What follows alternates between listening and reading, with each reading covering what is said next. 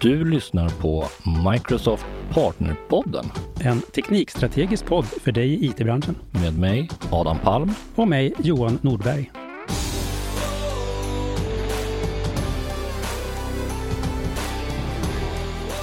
Sådär då. Hej och varmt välkomna tillbaka till ytterligare en episod av Microsoft Partnerpodden. Hur, eh, hur mår du idag Johan? Det var bra. Det var bra. Eh, Har du julångest? Ja, nu är det skönt att julen är över. Det brukar kännas så. Julen är spännande i ungefär tre minuter. Känns så att jag är ganska mätt på den, känner jag. Den är fin för de små. Exakt. Exakt. Du, eh, idag ska vi prata container apps Ja, tillsammans med våra kollegor på Active Solutions. exakt. Vilka har vi med oss idag? Vi har eh, Jakob En. och Chris Klog. Det är en väl, verkligen en kort intro. Det är för att de pratar så Ja, mycket men, på alla eh, konferenser så att alla känner igen de där namnen och bara ah, just det, det är dem. Exakt. Men vad säger du Ja, Jakob, jag- ska du ha en lite längre presentation om- vem du är? Det kan jag göra, absolut. Jättekul att, att vara här. Nej, men Jakob En heter jag. Eh, Jag har jobbat med utveckling sedan jag var liten pöjk. Eh, Jag höll på med assembler-programmering på min Spectrum för 200 år sedan. Eh, så jag har jobbat med utveckling länge. Så är numera konsult. Har alltid varit konsult. Eh, sista nio åren på Active Solution. Eh, jag jobbar väldigt mycket med, med cloud förstås, med Azure. Har länge haft DevOps som lite specialområde. Försöker hjälpa våra kunder att förbättra deras processer och automatisering och allting runt det. Och sådär. Sista året har det också blivit mycket runt AI förstås. Eh, Så det är ganska brett eh, och jobbar liksom mycket på arkitekturnivå men fortfarande ganska mycket hands-on utveckling. Och du Chris? Ehm, ja, lite grann samma bakgrund tror jag. Började i och för sig inte kört någon assembler-programmering. Ehm, jag, jag hade annat att göra när jag var liten, ehm, men byggde med min första webbsida professionellt 96 tror jag. Och sen jobbat i branschen eh, som, som både egenanställd på produktbolag och som konsult sedan 2000 ungefär. Eh, hårt fokus på Azure sen i princip det släpptes. Eh, och på senare tid har jag ju valt att avvika lite grann från Jakob och inte foka så mycket på eh, AI-delarna utan mer på arkitekturdelar och, och sådär. Men, och, och sitter mycket med infrastruktur som kod eh, på, och pipelines också. Eh, vi, vi tenderar att automatisera allting och då kommer infrastrukturdelarna in på köpet känns det som. Så det är väl det jag har gjort de senaste Och ni åren. är båda MVP också. Ja. Ja precis, jag är inom Azure numera. Jag var, jag var DevOps i flera år men på något sätt så rör man sig mot Azure oftast. Så att eh, numera är jag Azure MVP. Mm. Kul. Ja, Hörni, ni är varmt välkomna till Partnerpodden. Tackar. Tack. Ehm, Jag vill ju prata med er för att jag har fått en liten förälskelse i Azure Container Apps eftersom jag aldrig har orkat lära mig Kubernetes. Så det känns som att Container Apps får jag nyttan av det men jag slipper de tråkiga bitarna. Ehm, är, det, är det någon av er som har lust att liksom sätta scenen för vad Container Apps är för någonting som för någon som inte riktigt har upptäckt det än? Ja men absolut. Eh, alltså Container Apps är ju liksom en, en serverless plattform för att köra containerizade applikationer och eh, den är ju liksom kanske primärt syftad och liksom väldigt väl ägnad för när man bygger system som består av flera olika delar. Alltså kanske inte bara en webbapplikation utan man kanske har en eller några webbar, man kanske har API, man kanske har bakgrundstjänster och så vidare. Eh, och där har det liksom inte riktigt funnits någon, någon riktigt enkel bra tjänst tidigare i Azure utan antingen så, vi kanske kan komma in på det vad det finns för alternativ här men, men just det där scenariot när man har flera olika delar i ett system som behöver kommunicera med varandra eh, och som man då enkelt kan liksom rulla ut. Man kan enkelt skala upp och ner och också då betala liksom bara för de resurser som man använder. Eh, då är Container Apps ett, ett riktigt bra alternativ. Mm en, den, den enkla förklaringen i min värld är väl i princip Kubernetes för att utan, utan Kubernetes-komplexiteten. Eh, för det är ju ändå Kubernetes i grund och botten men man, man och, och känner man till Kubernetes så ser man väl Kubernetes också i, i de delarna utan tvekan men har man aldrig jobbat med det så, så behöver man inte bry sig om att det är det i grund och botten utan det bara, det bara fungerar som det finns vissa företag mm. som säger. Ja, för det känns som att när man börjar titta på Kubernetes så är det lätt att förstå att det är bra, men när man ser all konfiguration som behöver göras så ger man nästan upp på en gång på något sätt. Det är ju en, det är en liten tröskel att komma över utan mm. tvekan. Uh, och sen, den tröskeln har jag inte tyckt varit några jätteproblem i och för sig när jag satt igång med den. Man får, visst, det tar tid som sådant. Jag tycker det största problemet är ju det faktum att även om man kör AKS uh, så så får man fortfarande noder som man själv måste sköta. Det finns en viss mängd infrastruktur som faktiskt trillar på slutkund också. Och jag är inte en Linux-utvecklare eller Linux-användare i sig, så att, att hålla på och sköta Linux-servrar och grejer är inte riktigt mitt, mitt starkaste område. Och då Container Apps plockar ju bort den delen åt oss mm. helt och hållet. Mm. Jag tror man kan komma till från två olika håll. Antingen har man ju liksom hållit på med Kubernetes och försökt lära sig det och då ser man, tror jag, i många fall, i vart fall gör jag det, att Container Apps är ett betydligt enklare, enklare plattform och som, som räcker väldigt långt för väldigt många företag. Men man kan ju också komma utifrån att du inte alls har jobbat med Kubernetes och eh, liksom fortfarande har det här behovet. Eh, så att man, man kan ju alltid förklara det som att det här är liksom en, eh, ett enklare sätt att köra Kubernetes. Men jag gillar också att tänka att liksom man måste inte liksom nämna Kubernetes jättemycket även om det nu är det som körs under ytan här och en, en del koncept läcker ju igenom lite men, men jag tror många kan ju komma till den här tjänsten utan att överhuvudtaget ha liksom börjat fundera på Kubernetes. Mm, precis. Eh, men du nämnde också att det här är bäst när man har liksom flera rörliga delar. Skulle du liksom nästan säga att det är aktivt en att det är onödigt eller en dålig idé att, att köra container app som man bara har ett API eller bara har en publik webbsajt? Är det bättre att köra typ App Services eller något liknande då fortfarande? Eh, jag tycker inte det egentligen för att eh, Container Apps har numera så pass mycket av det här eh, stödet som också finns i App Service, alltså liksom enkel hantering av certifikat, av domänhantering och de där bitarna som alltid varit väldigt enkelt i App Service. Och du har ju liksom samma typ av skalning kan du enkelt få till baserat på liksom resursförbrukning eller hur många requests du får in. Så jag tycker mer och mer att Container Apps har blivit, för mig i alla fall, mer och mer en liksom personlig favorit. Att eh, även om du har enklare lösningar så är det så pass enkelt att, att eh, eh deploya och köra dem. Så jag, jag, jag tycker liksom att den är, funkar väldigt bra även om du bara har enskilda webbar. Mm. Ja, jag har nog varit inne på, på samma bit själv, att speciellt alltså, om man sitter och börjar någonstans och har ett projekt som inte har så mycket trafik, då är det faktiskt extremt skönt att den inte kostar när den inte används. Mm. Så att det, det, man kan säga som en skillnad, eh, som kan vara en lite sån eh, tröskel då, det är ju liksom att ska du köra container apps, då, då måste du köra containers. Mm. Och det, och det, är ju liksom ändå en form av tröskel för om man inte hållit på med det förut. Medan App Service, den stödjer också containers, men eh, det behöver du inte göra utan där kan du deploya din kod. Mm as is så att säga. Men containers... Då slipper man ju den tröskeln. Ja, jag håller helt med dig, men jag tycker även containers har blivit så mycket enklare och liksom det är en, det är en sån naturlig del av speciellt .NET och, som jag använder mycket och Node använder mycket också. Men i .NET så är det verkligen bara ett högerklick och säga gör en container åt mig eller till och med att man kan få det som en kryssruta när man startar ett nytt projekt. Så den biten mm. kanske faktiskt blir mindre och mindre jobbig med, med tiden nu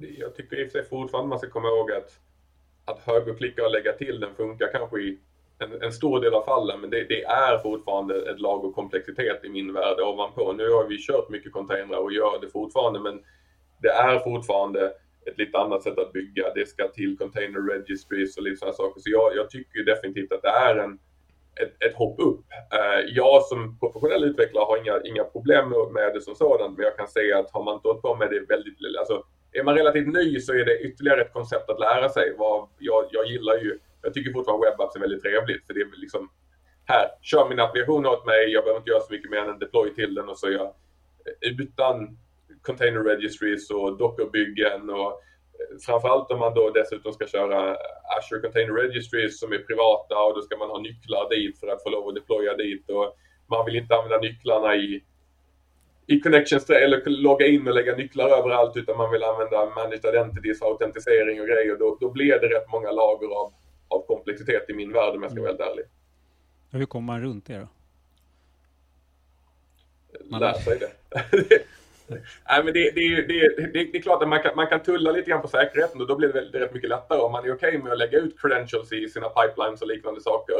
Uh, så går det ju lättare. Men, men annars så är det ju en, en fråga om att lära sig managed identities och autentisering och assign identities till sina, sina eh, container apps. Och, och det, det, blir några extra steg som, som kräver att folk lär sig rätt mycket innan man, man kommer dit i min värld. Medan webapps är, är i min värld lite lättare att deploya till för det, det, det behövs inte lika mycket access och lika mycket liksom course access mellan resurser som sådant. Så jag tycker inte man ska, man ska inte säga att i, i min värld ska man inte liksom neka det faktum att webapps är extremt lätt att komma igång med eh, som sådant. Ja, jag kan tycka att många av våra demos som vi kör på typ bild eller någon kort eh, presentation någonstans så vill vi gärna visa typ AZ Container App app. Så bara, nu gör den allting helt magiskt. Och det funkar ju. Ja. Um, men är det någonting som ni skulle säga så här, ja men det där går jättebra att köra i produktion också? Eller är det här, det här är liksom Hello World-demon som inte gör det man faktiskt vill göra på riktigt? Eller hur, hur nära verkligheten ligger de här superenkla kommandona som man faktiskt kan ha för att komma igång? För, för, för, mig är det lite åt, lite åt Hello World-stuket att det är väldigt enkelt att, att, visa upp, väldigt enkelt att komma igång med det. Men det är inte det sättet man vill liksom sen eh, bygga och eh, releasa sin applikation. Nej. Eh, men, men, det, är ju, så det är lite som det här liksom att, som man länge haft det här med högerklicka och, och du vet right click deploy från Visual Studio. Det är ju förstås väldigt enkelt och det är klart att det är jättebra ibland när du har någonting som du vill snabbt få upp och kanske visa någon annan eller, eller kolla att det funkar eller att det är åtkomligt och sådär. Det är ju helt okej okay, liksom. Det viktiga tycker jag är att man inte sen fastnar och, och säger att äh, vi, vi kör på det där. Nu har jag deployat manuellt, vi kan fortsätta med det. Mm liksom en, en, dålig praxis. Så att jag, jag är ju... Men, men även där kan man ju nu, liksom, det är ju väldigt enkelt att koppla det till ett eh, DevOps, DevOps-repo eller ett GitHub-repo så gör den en action åt dig, eller en pipeline. Mm. Um. Det enda jag tycker är lite tråkigt med den modellen är att man lite grann missar min, min andra del som är infrastruktur som koddelen mm. som, som jag tycker att vi, vi har gått väldigt hårt åt det på våra projekt för det, det ger väldigt mycket. Jag har inte varit med involverad i de senaste tre, fyra åren tror jag att jag har varit på ett projekt som inte har all sin, sin infrastruktur som kod. Och då försvinner de där kommandona för då, då blir ju Azure Container Apps deploymenten blir ju en del av bicep-delarna eftersom man konfigurerar sin, sin image i sin bicep och då, då blir det lite annorlunda. Det är också som sagt var, där, jag vill inte fortsätta gnälla snacka om webapps som sådant, men där är fördelen med webapps är att de, de konfigurerar man i Bicep och sen deployar man till dem. Medan container apps är ju faktiskt, då är ju image-utpekandet en del av sin infrastruktur med sin Bicep som sådant. Så då, då försvinner de där AZ-kommandona liksom lite grann eftersom jag behöver ändå sätta upp infrastrukturen med Bicep-delarna. Mm. Om, man, om man backar um ett steg. För nu container apps eller Kubernetes eller eh, OpenShift eller vad det nu kan tänkas vara för, för att orkestrera containers. Majoriteten av kunder distribuerar ju inte sina, sin kod eller kör sina applikationer på containers idag. Jag tror det är ju traditionell kanske bare metal-maskiner, eh, majoriteten kanske kör virtuella maskiner vad är den största uppsidan? För jag tror många har liksom ingen aning. Jag tror så här, man, man hör det, det pratas om det överallt, man är nyfiken på det men man vet inte vad det är. Men jag tror framförallt så kanske man inte vet varför skulle man vilja varför skulle man vilja göra om någonting man redan har? Finns det en uppsida eller är det bara så här, nej men det är bara greenfield, det är bara cloud native? En, alltså en stor uppsida med containers är ju just det där att det är ju ett väldigt bra sätt att paketera och flytta applikationer som man kanske kör idag på olika virtuella maskiner med olika dependencies. Eh, genom att paketera det in i en container så, gör det, så blir det sen väldigt lätt att flytta det till exempel till molnet. Och där har man sen ganska många olika tjänster och, och liksom sätt att välja på hur man ska hosta applikationerna. Så det är just det här liksom som, om man pratar lift and shift, att liksom flytta applikationer från on-premise till molnet. Så där är ju ett jättebra case för just containers. Eh, Just för att du kan då paketera med alla de beroenden och oavsett vad du bygger för, för liksom vad du använder för språk och för plattform och miljö och sånt. Så allt det där kan du liksom trycka in i en container image och sen så flyttar du den till till exempel till Azure om det är där du är. Och det, är också, det finns en annan sak som man kanske inte tänker så mycket på med containerdelarna. Det är faktiskt i min värld lite grann rollback-scenariot. I och med att man har varje release paketerad som en, som en pryl så är det Oops, det blev fel i den här releasen, låt oss bara backa. Då innebär inte backa att potentiellt avinstallera tredjeparts dependencies och versioner och ändra upp, upp, rollbacka andra dependencies och det ena med det andra utan det är bara peka på den gamla imagen och trycka go och så, så är man tillbaka på sin gamla miljö relativt snabbt. Eh, det löser inte databasproblematiken i en rollback men det, det är fortfarande en, en väldigt trevlig effekt av att varje gång så kan man kan man alltid ha sin, sin historik, sin versionshistorik liggande som färdiga paket och man kan rulla tillbaka och titta på dem och jag kan testa att köra det paketet på min lokala maskin för att debugga och se vad, vad, vad blev fel här, varför funkar det inte riktigt som det ska och så vidare. Det finns, den här paketeringsdelen är väldigt, väldigt trevlig liksom i form av att du får allt i ett och sen plockar du bort, om man sen tittar på hostingmodellen så är det ju dessutom så att genom att göra det till ett paket på det viset om container så, så slipper man ju manageringen av hosten i de flesta fall och kan be någon annan lösa det. Jag är ju glad för det som utvecklare att det inte är patch mondays och, och det liksom, ja, men nu, nu ska servrarna ner och patchas och det ena med det andra utan här är mitt paket, någon annan löser allting annat åt mig. Mm. Precis det där råkade jag ut för häromdagen med en sak som jag fortfarande kör on-prem där ena delen vill jag uppdatera och då krävdes det Node.js 18 som minst. Och sen så hade jag en annan del på samma maskin som hade ett gammalt dependency som slutade funka med Node 16 så jag var tvungen att köra Node 14 eller tidigare. Det hade ju varit så skönt om man faktiskt hade kört container så bara, men den här kan få leva sitt eget liv med senaste Node och den där kan få leva kvar tills jag uppdaterat den med en gammal version av Node. Nu vart det där ganska krångligt för mig liksom för att de faktiskt låg på samma virtuella server båda två där med en Nginx framför. Liksom. Så att man eh, jag tror att när man börjar bli medveten om att det här finns så ser man också vad ont det gör att inte ha det. På något sätt. Mm.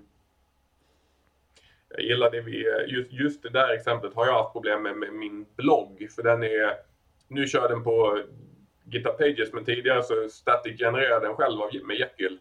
Uh, och det där var lite pill för jag hade lite saker som olika versioner på Node och det ena med det andra. Men Jekyll kommer ju faktiskt som en Node, eller som en, en Docker-container men som funkar som ett mm. kommando. Så man mappar in två mappar, ber den köra en sak, den har alla dependencies den behöver, rätt version av Node och allting. Kör igenom mina, mina markdown-filer och genererar min HTML åt mig och sen dör den och försvinner och jag behöver inte se till att min dator har allting med heller. Så det, det finns rätt mycket schyssta prylar med containrar liksom.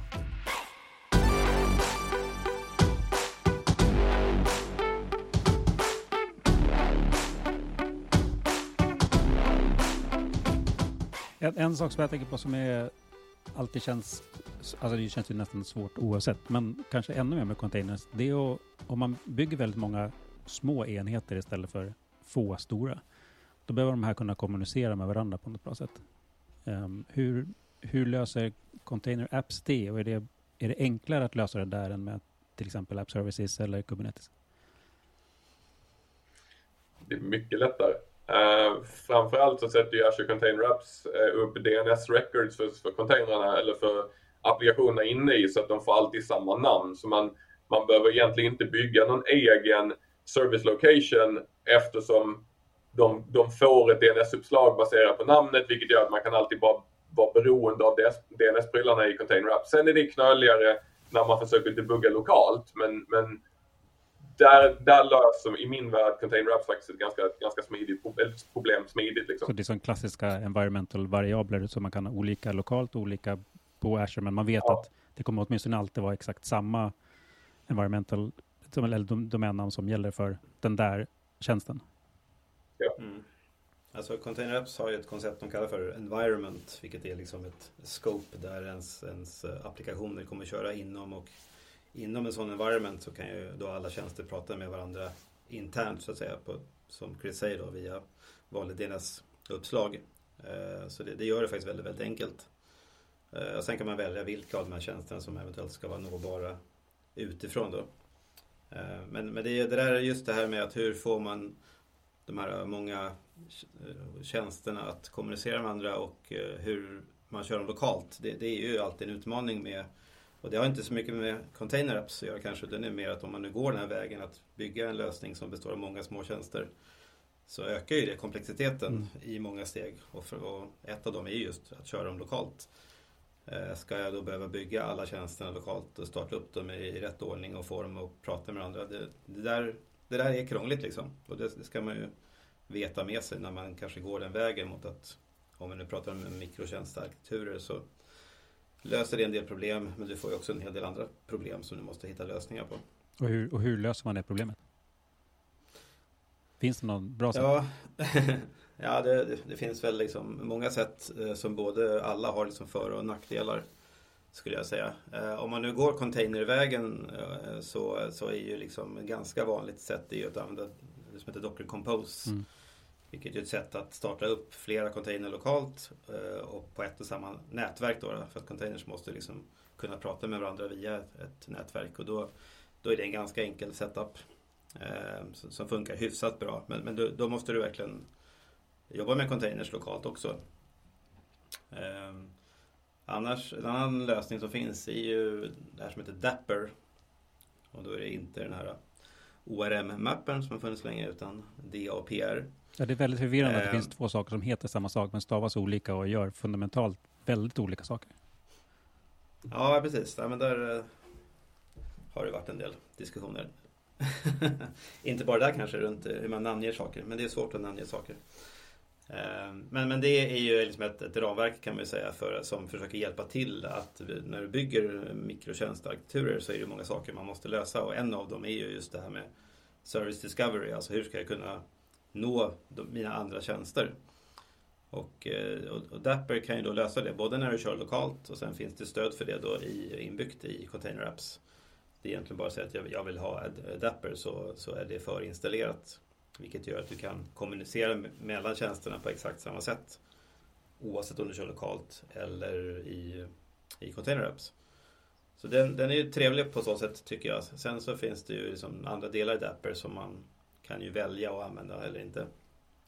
Eh, men, men det tycker jag är en, någonting man kan kika på i vart fall för att lösa den delen. Så har, jag, har jag förstått Dapper rätt att istället för att säga att jag vill ha en servicebuss så säger jag att jag vill ha någonting som kan skicka events. Och sen så får jag det som är lämpligt för den platsen jag är. Så lokalt kanske det är en Redis PubSub, men på Azure kanske det är en servicepass. Alltså är det ungefär vad den kan göra? Och samma sak med data och storage. Ja, det kan man säga. Den, den, består av olika byggblock kan man säga som man kan välja om man vill ha. Så det den gör är att den försöker abstrahera bort eh, liksom, eller införa abstraktioner mot till exempel dina state stores eller dina liksom, pub-sub mekanismer och sen kan du välja då att lokalt så skulle jag kunna köra Redis som pub-sub-lösning medan när jag är i Azure så kör jag uh, Azure Service Bus till exempel. Så det blir lite som en dependency injection fast för infrastruktur? Ja, det kan man säga. Uh, och som med alla abstraktioner så, så liksom är ju ofta de så att de gör det enkelt så länge man liksom håller sig till det som de erbjuder. Mm. När man försöker att krångla runt dem så eh, de, de räcker ju inte alltid hela vägen. Har du, liksom en, har du en, en större interaktion mot Azure Cosmos DB så, så räcker liksom inte de här state-storen till i Dapper. Men det är ju optional, man måste ju inte använda dem heller. Utan då, det kan man ju Jag kan tänka, tänka mig att det där är också en trade-off mellan att ja, det är jättebekvämt att den kan göra det där, men det mm.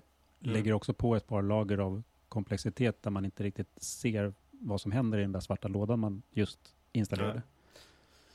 Nej, så är det verkligen. Så, så, så, så, att om man har dels det här med containers och liksom får dem att prata med andra så ska man ha container apps. Om man dessutom lägger på Dapper med all config som den har så, så kan det i många projekt bli ganska komplicerat. Mm. Det, det, ska man inte underskatta. Jag vet att Chris sitter i ett sånt projekt nu som, som där man har haft lite utmaningar kanske just runt de där delarna.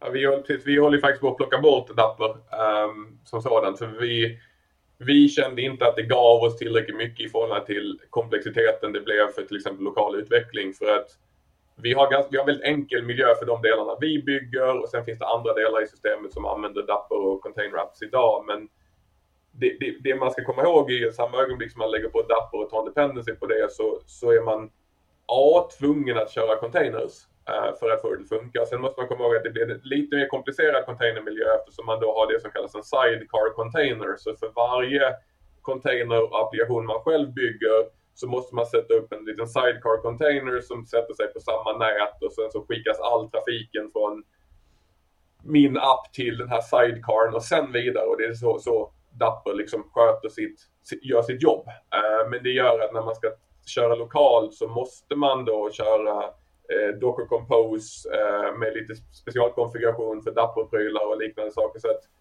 det, det, det, det var en extra lager komplexitet som jag tror är vettigt om man använder flera delar av Dapper. För oss så var det bara vi, vi använde inte så mycket mer än Service Location, vilket vi kunde ha använt DNS-delarna i Azure Container Apps med istället, så därför så bad vi faktiskt att plocka bort det som sådant. Men i det stora hela är det som du säger, man, man väljer byggblock och du, till exempel servicebuss, jag behöver pubsub, ge mig vad som är lämpligt på den här plattformen och så, eller rättare sagt, ge mig vad som är konfigurerat för den här plattformen så funkar det. Uh, men det finns också den här svarta boxen som du nämnde, ju, den, den har ju ett API och ett interface som är förspecificerat och det är, det är ganska enkelt för att kunna, det måste ju gå på minsta gemensamma nämnare för allting vilket gör att det är ett väldigt enkelt interface. Så State Storen till exempel är, Key Value Pairs enbart så man läser bara på nycklar. Det, finns, det går att göra queries men de är ganska knöliga och så vidare. Så att, har man behov av att byta ut Eh, sina tjänster och sina byggblock så, så, tror jag att det är en vettig grej. Men man ska nog göra en liten bockförd på det först och se om det är värt den tekniska overheaden som det blir beroende på hur stort projekt man är. Eller man har. Mm. Ja, jag har en jättesvår fråga. Uh... Era, era uppdrag, uh, finns det liksom någon, finns det, finns, finns det ett, uh, ett väldigt vanligt uppdrag? Alltså i ett företag, eh, man har, man kanske precis har flyttat en applikation till ett nytt kompileringsramverk som containers eller eh, och så har det inte blivit bra och så behöver man, ah, men nu behöver vi hjälp att få ordning på det eller är det mer att man behöver hjälp inför en sån transaktion eller eh, modernisering eller vad man nu vill kalla det. Finns det det typiska uppdraget för Active Solutions? Jag tror att det är väldigt mycket beroende på från konsult till konsult lite grann hos oss. Eh, det är inte riktigt sant heller, men jag, jag sitter på lite speciella situationer, så jag sitter nästan alltid på Greenfield-prylar. Ehm, och då, då, då är det ju såklart, då, då kommer hjälpen. Vi vill använda containers, hur gör vi?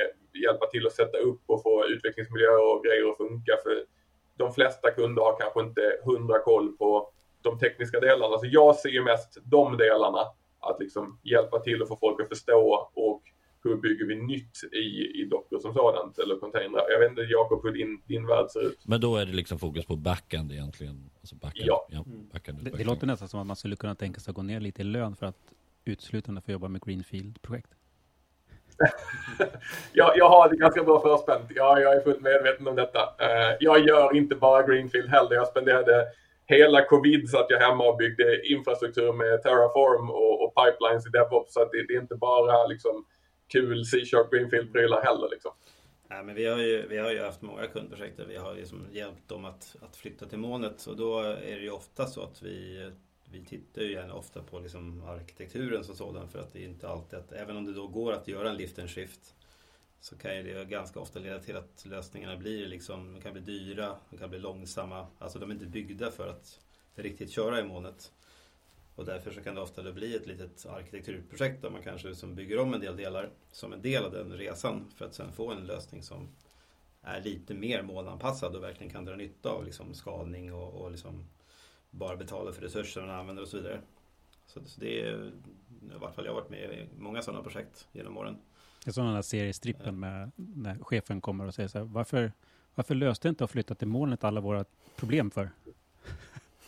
ja, men du, fick, du lät ju inte göra en, en bra cloud native-lösning. Nej.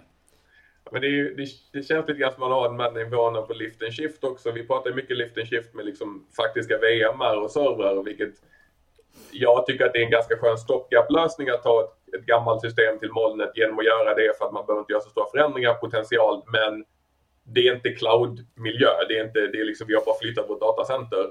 Sen att, att containerisa gamla applikationer är lite grann samma sak. Det är, okay, det är lite bättre än att lift shifta hela, hela VMen, men att, att bara containerisa sin, sin on-prem app eh, ger väldigt lite vinst i många fall. Liksom. Det, det, är nog så att man vill bryta isär och titta lite grann på vad mer som finns där. Så att, ja, men jag tycker det, att det är intressant att du säger det, för jag tror att det är väldigt många som liksom inte har intern utveckling.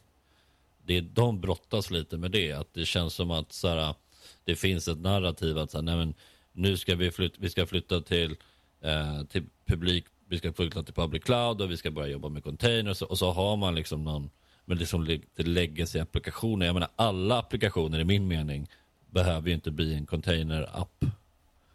Uh, men, men det Nej, finns en lite förutfattad mening att man vill göra det för man tror att allting ska bli bättre. Jag vet inte om det nödvändigtvis blir bättre.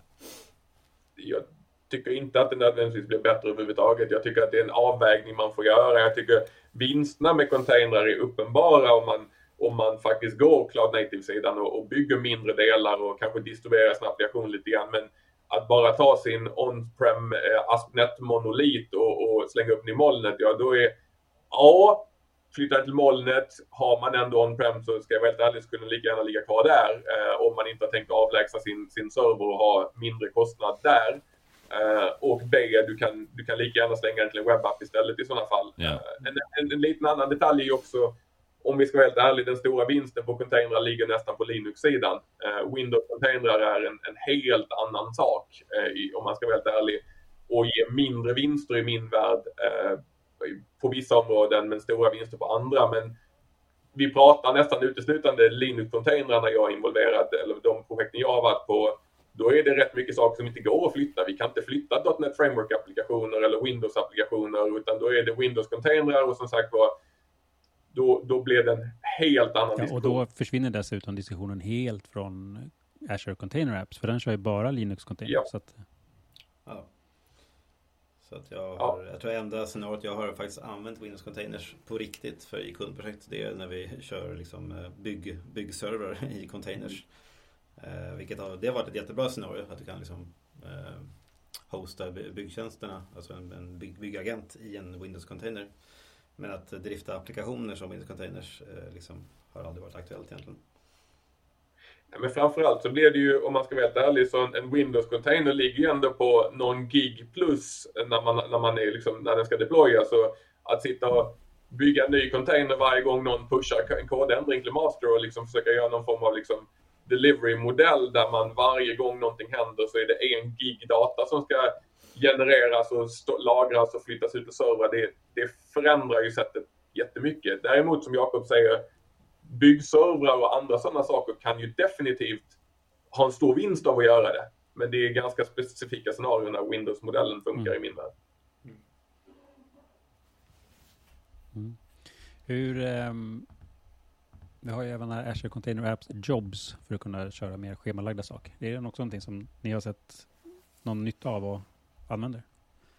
Mm, ja, absolut. Det, det, det behovet har man väl ganska ofta att kunna liksom skedulera saker som körs. Så det, det var någonting som i alla fall jag efterfrågade när de kom då. Så det var ju, det släpptes väl i, var det på bild i år eller var det Ignite kanske? Jag kommer inte ihåg när det gick GA där men, men eh, det tycker jag var en ganska välkommen välkommen feature mm. till, eh, till Container Så det känns som att en plattform blir ju liksom den, den, blir ju liksom eh, bredare och bredare och, och, mer funktionalitet, vilket ju är bra.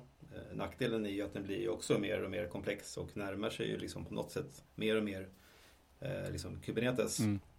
Vilket kanske är naturligt på ett sätt, men det där är ju en fin linje tror jag som man måste liksom försöka att ligga på rätt sida om. Att inte liksom till slut hamna i en, i en sits där det här är nästan lika komplicerat som, som Kubernetes. Ja. ja, jag kan tänka mig att också en nackdel med, om man nu har en, har en så på plats passkomplex app att den börjar närma sig AKS. Mm. Men man kör på Container Apps, då har man också låst in sig ganska hårt till Azure, vilket man inte hade gjort om man hade gått all in på Kubernetes. Då hade man varit lite friare och flyttat dit man ville. Ja, jo, det är ju sant till en viss del. Samtidigt så är det inte, jag, jag, skulle inte säga att det är en jättestor sak att gå från liksom, container apps till till exempel Kubernetes. Det, det, har ju varit en del, en del, av deras tagline och, och liksom att man kan börja med container apps och sen så liksom gå vidare till AKS om du behöver det. Sådär, och, eh, jag, jag, skulle inte säga att det är, det är inte ett jättejobb egentligen att flytta till Kubernetes om du är i container apps. Det, det är i alla fall min, min åsikt. Mm. Det finns ju ingenting i container apps som är container apps specifikt i och med att i grund och botten är ju som sagt på Kubernetes där i vilket fall som helst. Sen är det klart att flyttar man till Kubernetes så kommer man själv behöva sköta sina ingresses och sina servicer och, och poddar och liknande saker. Mm. Det är ju en infrastrukturfråga. Det finns ingenting som jag ser som faktiskt låser in en på något vis om man väljer container apps före idag. Liksom. Till skillnad från webapps som vi faktiskt har en del extra features ovanpå som är, kan vara svårare att flytta runt om man har valt mm. att använda dem. Det är kanske ett större problem om man har gått all in på liksom Azure Functions och den typen av tjänster. Mm. Ja. Mm. Har ni hunnit titta någonting på .NET Aspire? På tal om Docker Compose och liksom att kunna få sina tjänster att hitta varandra på ett bra sätt.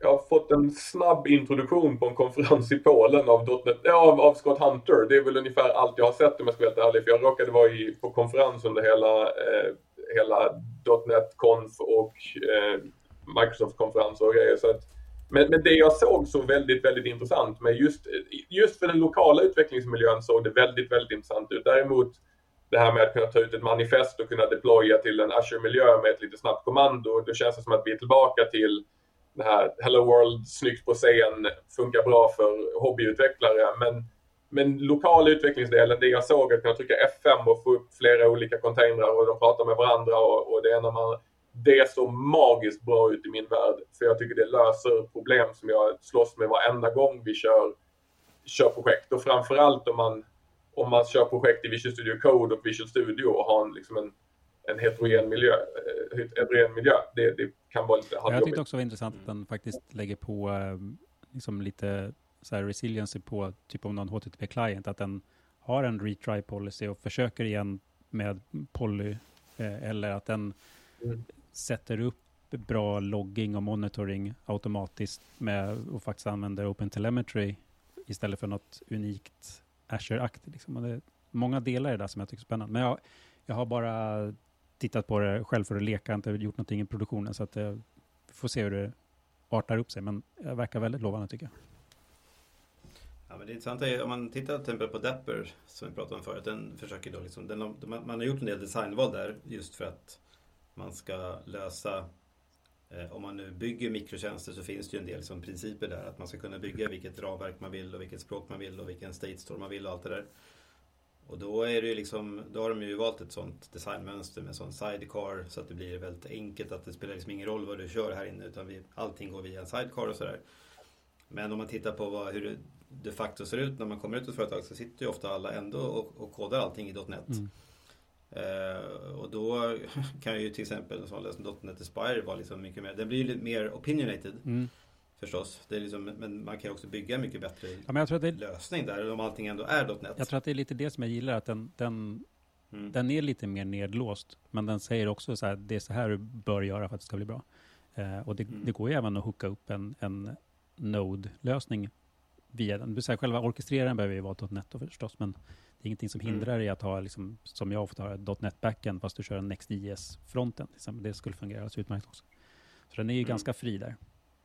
Men mm. den, jag, tycker, jag kan tycka att det är att det ibland är ganska skönt om någon säger åt mig att här, nu ska du göra så här, för det här har vi märkt, det är bäst. Sen kommer det såklart finnas lägen där man inte vill ha det, men det är ganska skönt att det är utgångspunkten som man kan börja med. Ja, men jag håller med om det där med, med opinionated ramverk. Det är väldigt många som är negativa till det. Jag vill göra min egen väg, jag vill kunna bygga. Men problemet är att då blir det ibland lite extra, lite väl flexibelt. Jag måste säga opinionated ramverk, så länge man hittar det som passar, passar ens egna opinions, det är väl det som är det stora problemet, så, så är det väldigt trevligt. Och helt ärligt, .NET är rätt opinionated redan från början i hur man ska mm. göra i dagsläget med IOC-containrar och, och liksom sätt man pluggar in i hosten och så vidare. Och de opinionsen får vi lite grann acceptera för de är en del av, av hostingsystemet för .NET och då är jag fine med att de gör en, en opinionated Aspire-lösning åt Mm. oss. Och framförallt blir det också lättare att hoppa från projekt till projekt. För det, det, det är rätt svårt när man hoppar från projekt till projekt i ett icke-opinionated system där folk har byggt helt olika lösningar. Vi, vi, har, vi har den här kombinationen av, av prylar och vi har den här kombinationen. Ja, men de funkar helt olika. Ja, jo, men i grund och botten får man välja som man vill. Mm. Jag föredrar det lite mer streamlinat så att alla förstår vad som Mm. pågår. Liksom. Jag med. Hörni, eh, vi börjar prata för länge som vanligt. Ehm, hur, men har vi några kloka ord att avsluta med? Liksom, så här, kanske lite grann hur, hur man... Ja. Ja, Adam, kör. Ja, ja men precis. Jag tror det var nog exakt det du tänkte säga Johan, sorry. Jag, jag tänkte så här, om man sitter som förvaltar applikationer eller driftar applikationer eller kanske jobbar som backend-utvecklare idag och man är lite intresserad av till exempel container apps eller um, AKS eller OpenShift eller vad det kan tänkas vara att man, man vill kon- containerisera en applikationer. Finns det någon sån här bra due diligence man kan göra initialt bara? Liten inventering av sin applikation och sin kod och sin infrastruktur för att kanske kunna avgöra att så här, ja, men det här skulle vi nog kunna vara ett ganska bra bra projekt att börja jobba med. Min första grej skulle vara, går det att köra den här saken på Linux? För som sagt var, det jag, jag tycker containerdelen ligger i Linux. Så är vi, är vi .NET-utvecklare till exempel och bygger en .NET Backend, är vi på .NET Framework eller är vi på .NET Core? Är vi, eller ja, nya .NET. Och är, det, är man då på Core-prylarna, ja men då är, då är det ju då är det vettigt att börja gå vidare. Är man på .NET Framework så tycker jag att man kanske ska lägga ner undersökningen lite grann om jag ska vara helt ärlig. eh, och fortsätta med någonting annat. Det är nog steg ett i min värld. Ja, det ser på att nu, nu, i och med att .NET Core API liksom har blivit eh, mer och mer heltäckande så är det ju en, idag i vart fall enklare att gå från .NET Framework till .NET Core jämfört med hur det var för ett antal år sedan.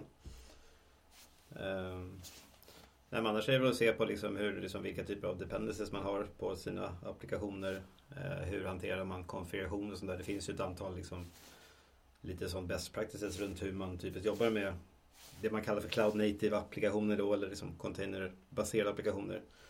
Eh, som man kan titta lite på hur, hur hanterar vi konfiguration idag till exempel.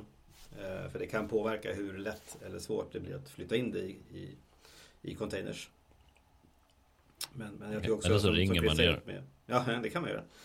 Eh, och, eh, Liksom man har, att- om men man har ett riktigt eh, gammalt hemskt projekt, då ringer man Chris. Exakt. Ja, så vidare, då vidarebefordrar han samtalet till någon annan och säger vi uppmanar alla som lyssnar att DMa de här herrarna på LinkedIn om man har frågor eh, om sin applikation. Så kommer de hjälpa er. Gratis. Ja. Absolut. Helt och hållet gratis. Det sista var inte sant. Ska vi se, LinkedIn, hur, hur, hur, var det man, hur, hur, stänger man ner sitt konto på LinkedIn sa vi? Eh, nej men jag, jag, det, det kan vara, ska jag vara ärlig, kan vara rätt kul med ett gammalt projekt också. Eh, om man är beredd att inse vad det innebär att skriva om och göra ändringar och faktiskt göra det bättre. För i slutändan så är, även om jag tycker om Greenfield-produkter, men, eh, prylar, men att, att ta ett gammalt projekt och göra förändringar och se att det faktiskt gör skillnad. Att, jag vet, vi har varit involverade, både jag och Jakob har många gånger varit involverade i att gå in och hjälpa till att sätta upp automatiserade deployments, automatiserade miljöer och grejer som är ett hästjobb att göra om man ska vara helt ärlig. Det tar rätt mycket tid och kräver lite erfarenhet. Men när man ser resultatet av att man kan göra deployment smidigt och folk har inte ont i magen på tisdag för att onsdagskvällar så är det deployments och grejer. Utan det, det, det är rätt skönt att göra det. Det är skönt att städa upp. Men så, så ja, har ni, har ni en kul gammal applikation så kan ni göra av er. Exakt. Du, eh, Ja, stort tack hörni för att ni kom hit och snackade lite skit om container apps med oss. Ehm, ja. Tack själv, kul att få komma hit. Tack själv. Du har lyssnat på Microsoft Partnerpodden. En podd om Microsoft Sverige med mig Adam Palm. och mig, Johan Nordberg. Som vanligt hittar du länkar och resurser på aka.ms partnerpodden. Maila oss gärna på partnerpodden at microsoft.com.